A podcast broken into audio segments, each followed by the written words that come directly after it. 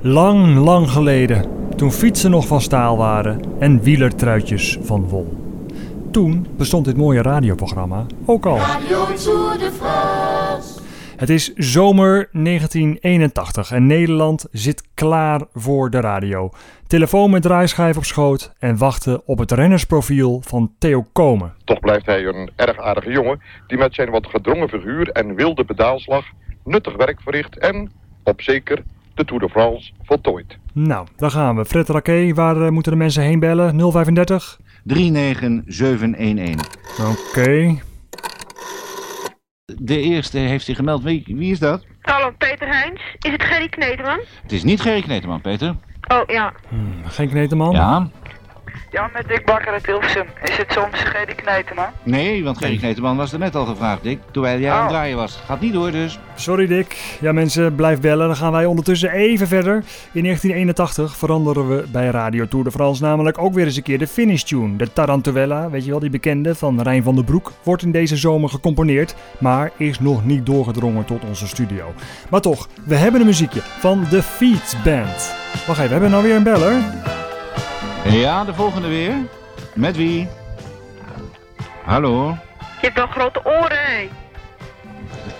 Er zit ook een koptelefoon op, hè? Nee, is ik ben het. gestaan. Leg eens even neer.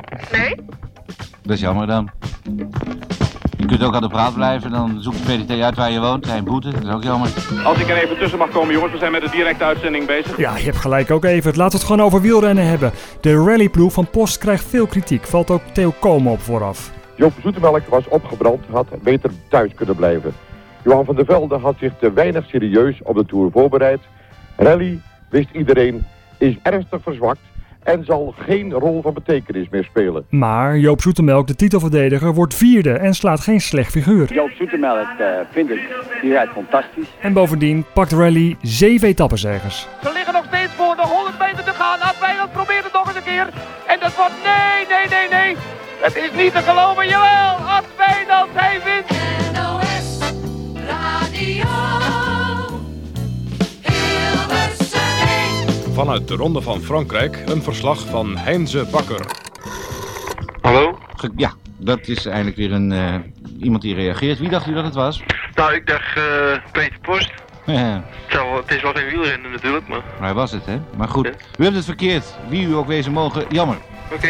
Gaan wij nog even langs op Alpe d'Huez, waar toerdebutant Peter Winnen een groepje met Bernardino probeert voor te blijven. Achter hem aan rijden koersdirecteur Félix Levitan en onze Theo Komen. Theo, Formidabel, zoals Peter Winnen weer voor ons uitkoerst. Monsieur Levital, ze formidabel, hè, monsieur Peter Winnen. Oui, vous avez là maintenant un grand grimpeur. we hebben er weer een groot klimmer bij. Peter Winnen is er bijna, Heinze Bakker. Nou hoor, dan komen die andere drie ook al om de bocht. Maar ze gaan hem niet meer inhalen, toch zeker? Wat gaan we nou beleven? Peter, ga door, jongen. Ga door. Peter Winnen, dat rossige mannetje uit het Limburgse IJsselstein, daar gaan we meer van horen, Evert. Gaan we terug naar Heinz Bakker? Eh, ja, ja, dat is ook goed. Peter Winnen is de overwinnaar van deze etappe. Oh ja, de prijsvraag. Aan de lijn de heer Visser, klopt dat? Ja, dat klopt, ja. Wat leuk. Waar komt u vandaan? Ik kom uit Rotterdam. En u dacht het door eh, Theo Komen omschreven rennersprofiel te weten?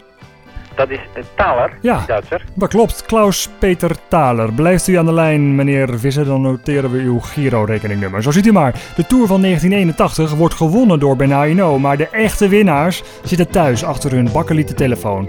En ze luisteren naar Radio Tour de France.